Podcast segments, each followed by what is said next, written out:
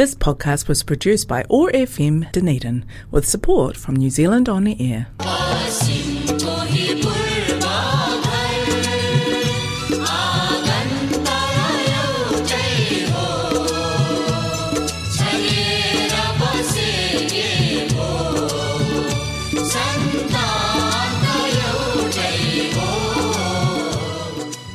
Kia ora, no mai haere mai. Namaste. हरेक मङ्गलबार साँझको छ तिस बजे प्रसार हुने ओट्यागो एक्सेस रेडियोबाट सञ्चालित कार्यक्रम हाम्रो आवाजमा म टिका कौशिकको सम्पूर्ण श्रोताहरूमा हार्दिक अभिवादन। आज मङ्गलबार इस्वी सन् दुई हजार बाइस अप्रिल उन्नाइस तारिक तदनुसार विक्रम सम्बत दुई हजार उनासी वैशाख छ गते डनेडी नेपाली समाजको प्रस्तुति रहेको कार्यक्रम हाम्रो आवाज हो भने यस कार्यक्रमलाई प्रायोजन गरेको छ कनेक्टिङ कल्चर। एथनिक कम्युनिटिजले। कार्यक्रम हाम्रो आवाज ओट्यागो एक्सेस रेडियो एक सय पाँच दशमलव चार मेगाहजमा हरेक मङ्गलबार न्युजिल्यान्डको समयअनुसार साँझ छ तिस बजेदेखि सात बजेसम्म सुन्न सक्नुहुनेछ भने पोडकास्ट तथा आइट्युन्सबाट तपाईँले चाहेको बेलामा सुन्न सक्नुहुनेछ। श्रोताहरू नेपाली साल दुई हजार अठहत्तर विदा भई दुई हजार उनासी साल हामी सामु भित्रिसकेको छ।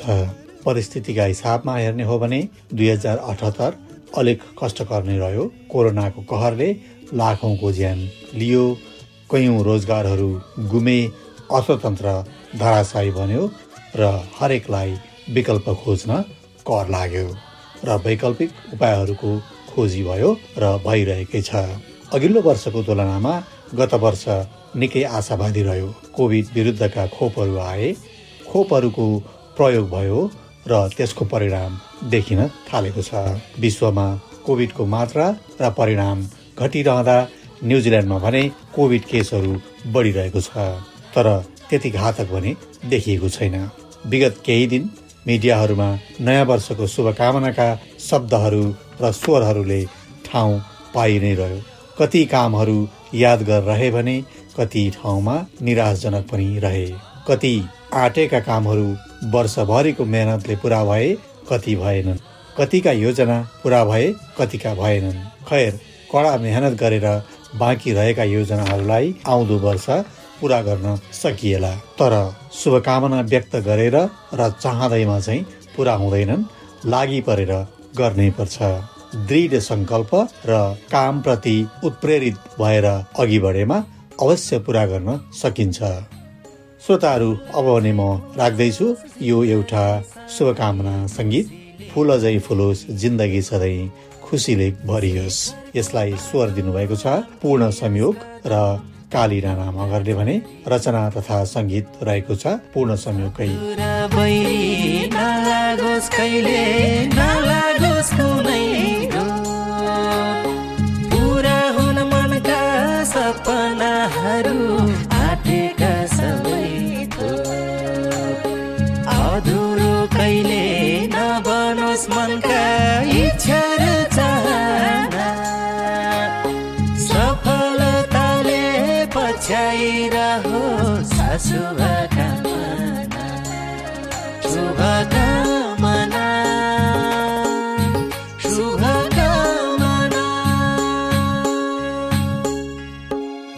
श्रोताहरू यहाँहरू अहिले सुन्दै हुनुहुन्छ कार्यक्रम हाम्रो आवाज पोट्यागो एक्सेस रेडियो एक सय पाँच दशमलव चार मेगाहजमा र महु प्रस्तुता टिका कौशिक। कार्यक्रम हाम्रो आवाजमा तपाईँले आज सुन्नुहुनेछ एक संवाद र आजका मेरा अतिथि हुनुहुन्छ डाक्टर उपेन्द्र भट्टराई। डाक्टर उपेन्द्र भट्टराई चिनको North West Agriculture and Forest University बाट पहिलो विद्यावारिधि गर्नुभएको छ भने न्युजिल्यान्डको ओट्यागो विश्वविद्यालयबाट यहाँले दोस्रो विद्यावारिधि गर्दै हुनुहुन्छ। कार्यक्रममा यहाँलाई हार्दिक स्वागत छ। धन्यवाद। बधाई छ यहाँलाई दोस्रो विद्यावारिधि गर्दै हुनुहुन्छ। धेरै धेरै धन्यवाद। यो पहिलो विद्यावारिधि गरिसकेपछि एउटा जुन टाइटल आउँछ हाम्रो डाक्टर भन्ने दोस्रो विद्यावारिधि गरेपछि के डाक्टर डाक्टर भन्नु मिल्छ? हजुर त्यो चाहिँ एउटा मात्रै लेख्दा राम्रो हुन्छ होला। अहिलेलाई डाक्टर मात्रै भनिराखौँ है। यो पहिलो दोस्रो गर्दै दुईटा विद्यावारिधि गरिसक्नु भएको छ होइन? दोस्रो पिएचडीको खाँचो चाहिँ किन रह्यो? त्यो चाहिँ मैले मलाई चाहिँ धेरै मध्ये एउटा क्वेसन हो। खाँचो भन्दा पनि यो रिसर्चको क्षेत्रमा काम गर्न थालेपछि तपाईँलाई यो एउटा मलाई चाहिँ कस्तो लाग्छ भने एउटा नसा जस्तो हुँदो रहेछ। तपाईँलाई केही कुरा नयाँ पत्ता लगाएपछि अझै धेरै यसमा खोज अनुसन्धान गरौँ भन्ने चाहिँ एउटा चाहिँ त्यो मोटिभेसन बढ्दै जाँदो रहेछ। त्यसै क्रममा मैले पहिलो विद्यावारिधि सकाएपछि फेरि पनि यो दोस्रो विद्यावारिधि किन गरिए त भन्ने कुरामा चाहिँ एउटा कुरा यो दोस्रो विद्यावारिधिको टपिकले चाहिँ मलाई धेरै आकर्षित गरायो। अनि अर्को कुरा चाहिँ मेरो फ्यामिली मेरो वाइफ अनि उहाँको पनि सँगै विद्यावारिधि गर्ने अर्को अपर्च्युनिटी हामीलाई आयो। अनि त्यसपछि चाहिँ मैले आफ्नो फर्दर रिसर्चको लागि चाहिँ जस्तो किसिमको फेसिलिटी अनि त्यसपछि खोजिरहेको थिएँ त्यही अनुरूपको फेसिलिटी र अनि रिसर्च गर्ने इन्भाइरोमेन्ट मैले पाएको जस्तो लागेकाले दोस्रो विद्यावारिधि गर्ने चाहिँ मैले निर्णय गरेर या- यहाँले अ, दोस्रो पिएचडीको लागि न्युजिल्यान्ड छान्नुभयो। किन छान्नुभयो यो चाहिँ? हजुर। पहिलो कुरा त जब यो अपर्च्युनिटी आयो त्यसपछि चाहिँ न्युजिल्यान्ड देश कस्तो छ भन्ने कुरामा चाहिँ धेरै अब खोज गरियो। र त्यो गर्ने क्रममा चाहिँ हामीसँग हाम्रो एउटा सानो बच्चा छ इभान। उसको हाम्रो पढाइ हाम्रो रिसर्चको इन्ट्रेस्ट लगतै बच्चाको उसको पढाइ अनि उसको चाहिँ हुर्काइ त्यो सबै कुरालाई हेर्दाखेरि चाहिँ न्युजिल्यान्डको चाहिँ इन्भाइरोमेन्ट धेरै नै राम्रो लाग्यो। अनि हाम्रो लागि मात्र नभएर बच्चाहरूको लागि पनि यहाँको इन्भाइरोमेन्ट यहाँको सिस्टम सबै कुरा राम्रो लागेकोले चाहिँ न्युजिल्यान्ड आउने चाहिँ निर्णय गरियो। यो यहाँले पहिलो विद्यावारिधि चाइनाबाट गर्नुभयो अनि दोस्रो विद्यावारिधि यहाँले सब लगभग अन्त्यतिर आइसक्नु भएको छ होइन? यो दुईटा देशमा बसेर एउटा शोधार्थीका हिसाबले अध्ययन गरिरहँदाखेरि फरक के पाउनुभयो त्यहाँ चाइनामा र यहाँ न्युजिल्यान्डमा? यो रिसर्चको फिल्डमा चाहिँ रिसर्च दुवै ठाउँमा धेरै नै राम्रो खाले रिसर्चहरू भइरहेका छन् होइन? र त्यसलाई चाहिँ फरक केमा पाइयो भन्दाखेरि पहिलो कुरो चाइनामा चाहिँ हामीलाई चाहिँ एउटा थोरै अप्ठ्यारो परेको चाहिँ ल्याङ्ग्वेज प्रब्लम थियो। हामी त्यहाँ हाम्रो ब्याच जुन थियो त्यहाँ पिएचडी गर्ने हामी चाहिँ इङ्ग्लिस मिडियममा थियौँ तर र युनिभर्सिटी चाहिँ चाइनिज मिडियमबाट इङ्ग्लिस मिडियमको ट्रान्जिसनको क्रममा थियो त्यतिखेर त्यही भएर थोरै ल्याङ्ग्वेज ब्यारियर त्यहाँ चाहिँ अवश्य नै हुन्छ जस्तो तपाईँ बाहिर जानुपर्छ अरू मान्छेहरूलाई भेट्नुपर्छ त्यो कुराहरूमा चाहिँ ल्याङ्ग्वेज ब्यारियर त्यहाँ धेरै नै हुन्छ। र त्यो कुरामा चाहिँ न्युजिल्यान्डमा चाहिँ अब इङ्ग्लिस मिडियम भएको भएर चाहिँ त्यो अब्सट्याकल चाहिँ यहाँ चाहिँ त्यो फेस गर्नु पर्दैन। र अरू कुराहरूमा चाहिँ फेसिलिटीको कुरामा तपाईँको रिसर्चको कुरामा चाहिँ दुवै ठाउँमा चाहिँ रिसर्च चाहिँ राम्रो लेभलमा चाहिँ रिसर्चहरू भएको चाहिँ त्यो अनुभव गर्ने मौका मिल्यो। यहाँलाई म बधाई पनि भन्न चाहन्छु किनकि यहाँले हवार्ड विश्वविद्यालयमा आफ्नो जब सेक्युर गरिसक्नु भएको छ। धन्यवाद। त्यसका लागि यहाँलाई म धेरै धेरै बधाई। ओटाको एक्सेस रेडियो तर्फबाट र डेनिडिन नेपाली समाजको तर्फबाट पनि बधाई ज्ञापन गर्न चाहन्छु। हवार्ड विश्वविद्यालय क्याम्ब्रिज अथवा अक्सफोर्ड विश्वकै एउटा एकदम टप विश्वविद्यालयको नाममा आउने गर्छ होइन? त्यहाँ जो कोही पनि विद्यार्थी त्यहाँ पढ्नलाई ललायत हुन्छन् नै। यहाँले जबको अफर लिएर जाँदै हुनुहुन्छ त्यहाँनिर? कसरी प्राप्त भयो यो अवसर यहाँलाई? अहिले चाहिँ हामी यो दोस्रो पिएचडीको चाहिँ म यो अ, अन्त्यतिर छु र यो सकिनुभन्दा अगाडि नै यो जब चाहिँ खोजिरहेको थिएँ मैले अ, हार्वर्ड नै जान्छु भनेर सोचेको त थिएन त्यतिखेर तर पनि यो जब सर्चको क्रममा न्युजिल्यान्डमा अनि अरू विशेष गरी न्युजिल्यान्ड र अस्ट्रेलिया हेरिरहेको थिएँ। त्यही क्रममा चाहिँ मेरो फिल्डसँग रिलेटेड यो जब भ्याकेन्सी चाहिँ मैले ट्विटरमा भेटेँ खास पहिलो कुरो चाहिँ। अनि ट्विटरमा भेटिसकेपछि मलाई सुरुमा चाहिँ एप्लाई गर्नु पनि अलिकति गरौँ कि नगरौँ भन्ने दुविधामा थिएँ म। किनभने हार्वर्ड एउटा धेरै नै प्रतिष्ठित इन्स्टिट्युसन हो। अनि त्यो जुन एप्लिकेसनको प्रोसेसमा नै ठुलो धेरै मिहिनेत गर्नुपर्ने हुन्छ। तपाईँको डकुमेन्ट प्रिपेयर गर्नेदेखि लिएर सबै कुराहरूलाई।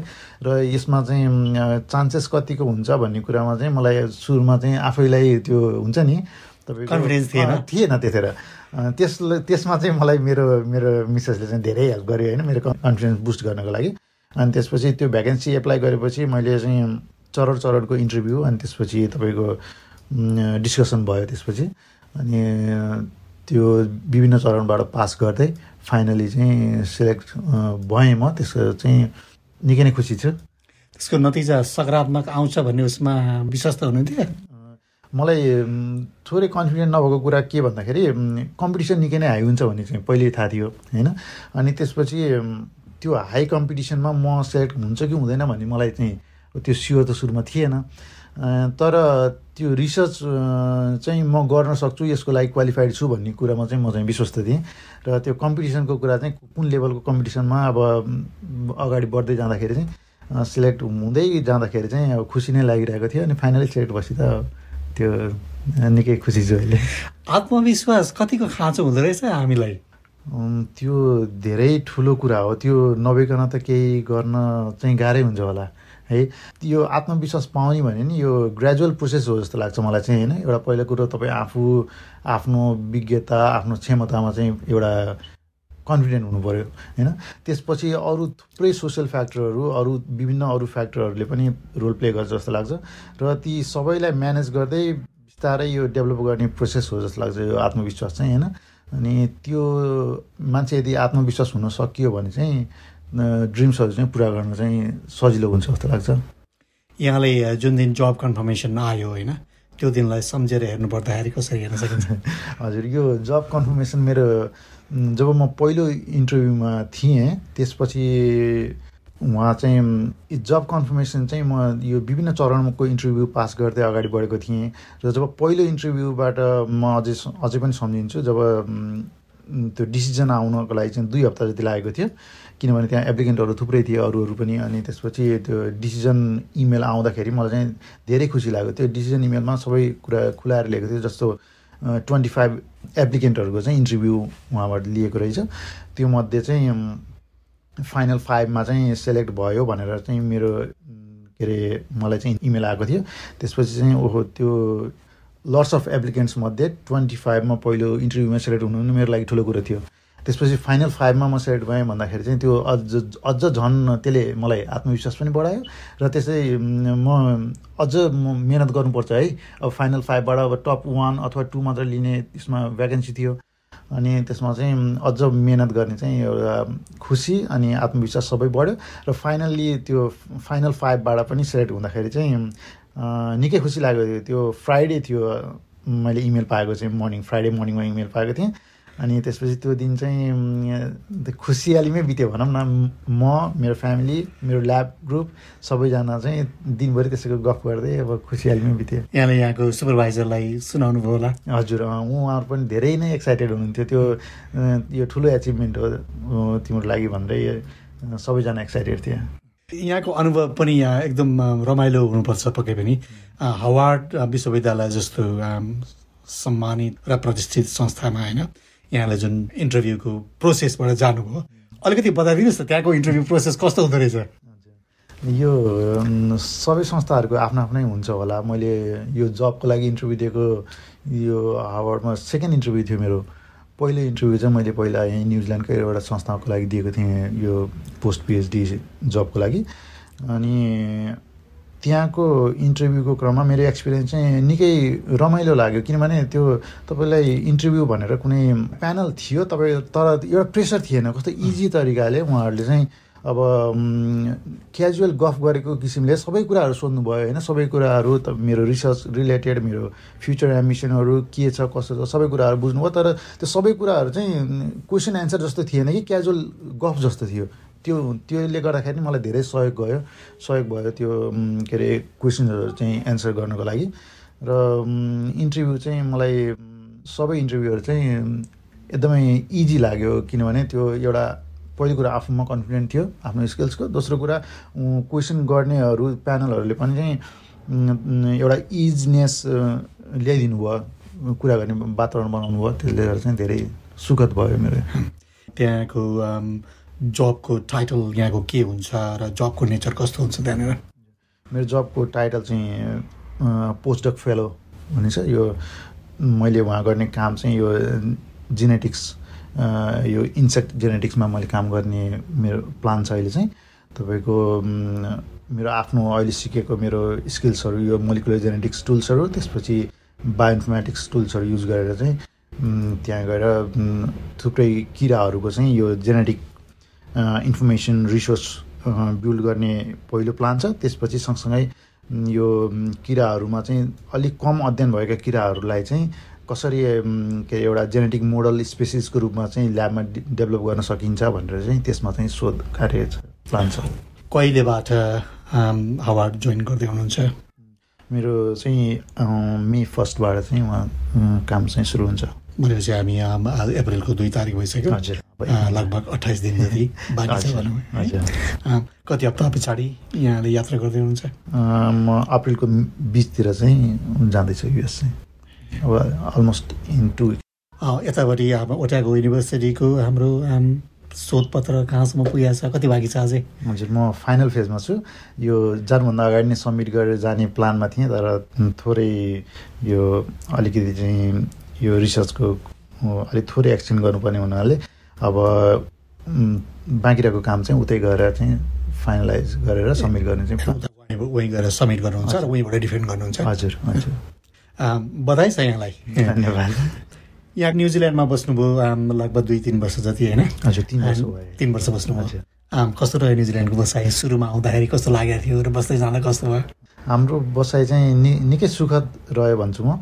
सुरुमा आउँदाखेरि चाहिँ जब क्राइस्टमा म पहिलोपटक ल्यान्ड गरेँ त्यो माथिबाट आकाशबाट हेर्दाखेरि मलाई नेपालकै अनुभूति हुन्थ्यो किनभने त्यो त्यही डाँडा काँडाहरू त्यही खोलाहरू जुन खेतहरू देखिरहेको थिएँ जस्तो त्रिभुवन अन्तर्राष्ट्रिय विमानस्थलमा ल्यान्ड हुँदाखेरि जस्तो खाले देखिन्छ नि त्यस्तै खाले फिल भएको थियो। अनि यहाँ आइसकेपछि यहाँको मानिसहरू हाम्रो नेपाली समाज यहाँको यहाँको डनेडिनको समाज यो सबै चाहिँ ले चाहिँ धेरै नै सपोर्ट पाइयो। तपाईँको पढाइमादेखि लिएर यहाँको जीवनयापनको अनेक चरणहरूमा चाहिँ धेरै सपोर्ट हामीलाई मिल्यो। त्यसले गर्दा चाहिँ यहाँको बसाइ चाहिँ निकै नै सुखद र खुसी पूर्ण भयो भन्छु म। यहाँ न्युजिल्यान्डमा रहँदाखेरि नेपाली समाजसँग कसरी जोडिनु? हजुर। यहाँ चाहिँ सुरुमा आउँदा मैले यहाँ कोही पनि पहिला चिनेको कोही पनि थिएन। यहाँ आएपछि चाहिँ बिस्तारै चिनजानको कार्यक्रम भयो। त्यसपछि यो अ, नेप्ली सोसाइटीले अर्गनाइज गर्ने प्रोग्रामहरूमा चाहिँ पार्टिसिपेट गरेपछि चाहिँ बिस्तारै अरू साथीहरू नयाँ साथीहरू चिन्ने क्रम बढ्दै गयो। त्यसपछि चाहिँ एउटा फ्यामिली इन्भाइरोमेन्ट जुन यहाँको पहिलेदेखि रहिआएको थियो त्यसले चाहिँ धेरै नै मलाई पनि आकर्षित गर्यो। र last one year last last इयरदेखि चाहिँ म चाहिँ एक्जिक्युटिभ कमिटीमा पनि छु डन्डिन नेप्ली सोसाइटीको। र एक्जिक्युटिभ कमिटीमा हुँदा र नहुँदाको दुवै चरणहरूमा चाहिँ मलाई चाहिँ धेरै नै सपोर्ट मिल्यो हाम्रो नेप्ली सोसाइटीहरूबाट त्यसको लागि चाहिँ सबैलाई धन्यवाद भन्न चाहन्छु। यहाँको नेचर जुन अध्ययन गर्ने एउटा प्रकृति छ स्वरूप छ नेचर छ त्यो एकदमै लोभलाग्दो लागेको छ मलाई। जीवनमा यति ठुला शोधपत्रहरू तयार गर्नुभएको छ। एउटा शोधार्थीको जीवनकै हिसाबमा निकै समयको जीवन बिताउनु भएको छ। त्यो अध्ययन गर्ने अथवा पढ्ने यो भोग कहिलेबाट जाग्या हो? बाल्यकालदेखि नै हो अथवा पछि गएर एउटा अत्यन्तै चासो बढ्दै गएको हो कि? पढ्न मलाई बच्चैदेखि मन पर्थ्यो। मेरो घरमा पनि बुवा मम्मीले पढ्न पर्छ है भनेर चाहिँ पहिलेदेखि अलि पढाइमा चाहिँ जोड गर्नुहुन्थ्यो। अनि त्यही क्रममा पढ्दै जाने क्रममा चाहिँ म चाहिँ एभरेज स्टुडेन्ट थिएँ। म त्यस्तो एकदमै एक्स्ट्रा स्टुडेन्ट चाहिँ होइन पहिलेदेखि। एभरेज स्टुडेन्ट थिएँ र तर चाहिँ मलाई चाहिँ पढ्न अनि रिसर्च गर्न चाहिँ मन पर्थ्यो त्यो जब मैले नेपालमा मैले रामपुर क्याम्पसबाट चाहिँ कृषिमा ब्याचलर कम्प्लिट गरेँ त्यसपछि मलाई चाहिँ त्यो बेलादेखि चाहिँ रिसर्चमा बलि बढी इन्ट्रेस्ट आउन थाल्यो र म आफूलाई लक्की पनि सम्झिन्छु। मैले मास्टरको लागि चाहिँ नोर्जेन युनिभर्सिटी अफ लाइफ साइन्सबाट मास्टर गर्ने अवसर प्राप्त गरेँ र त्यो मास्टरको क्रममा पनि त्यहाँ मैले जुन रिसर्च गर्ने अपर्च्युनिटी पाएँ। त्यसमा चाहिँ मेरो युनिभर्सिटीभन्दा बाहिरको एउटा संस्था थियो त्यहाँ बायोफोर्स पनि एउटा governmental agriculture and environmental research organisation थियो। त्यो रि त्यो अर्गनाइजेसनमा गएर चाहिँ मैले आफ्नो थेसिस रिसर्च गर्ने चाहिँ मौका पाएँ। र त्यहाँको त्यो रिसर्च इन्भाइरोमेन्टले चाहिँ मलाई धेरै नै एट्र्याक्ट गर्यो। र त्यो तपाईँको सानो सानोदेखि सानो कुराहरू जब केही नयाँ कुराहरू सिकिन्छ त्यसले चाहिँ एउटा मोटिभेसन फ्याक्टर हुँदो रहेछ त्यो चाहिँ। अनि त्यहाँ त्यहाँदेखि चाहिँ मैले अब म यो रिसर्चमै अगाडि बढ्छु है। म रिसर्च गर्छु है भन्ने चाहिँ अठोट चाहिँ त्यतिखेरदेखि आएको मलाई खास। यहाँको परिवारमा अब मन्दिराजी पनि भनेको पिएचडी होल्डर हुन्छ। यहाँ जस्तै डबल पिएचडी होल्डर हुनुहुन्छ। अब परिवारमा पनि अन्य पिएचडीहरू हुनुहुन्छ होला। गर्दै गर्दै हुन्छ। अब एकजना डाक्टर भए पनि यो डाक्टरकै घर भनेर हुन्छ। यो डाक्टरको घर भन्ने त्यस्तो हुन्छ कि पछि गएर? खोइ अब त्यो त मलाई थाहा छैन होइन? तर मेरो मेरो घरमा चाहिँ बुवा मम्मी हुनुहुन्छ अनि मेरो एउटा भाइ छ एउटा बहिनी छ। मेरो भाइ पनि ऊ के अरे प्लान्ट ब्रिडिङमा चाहिँ उसको पिएचडी गरेर अहिले जब गरिरहेको छ क्यानाडामा छ।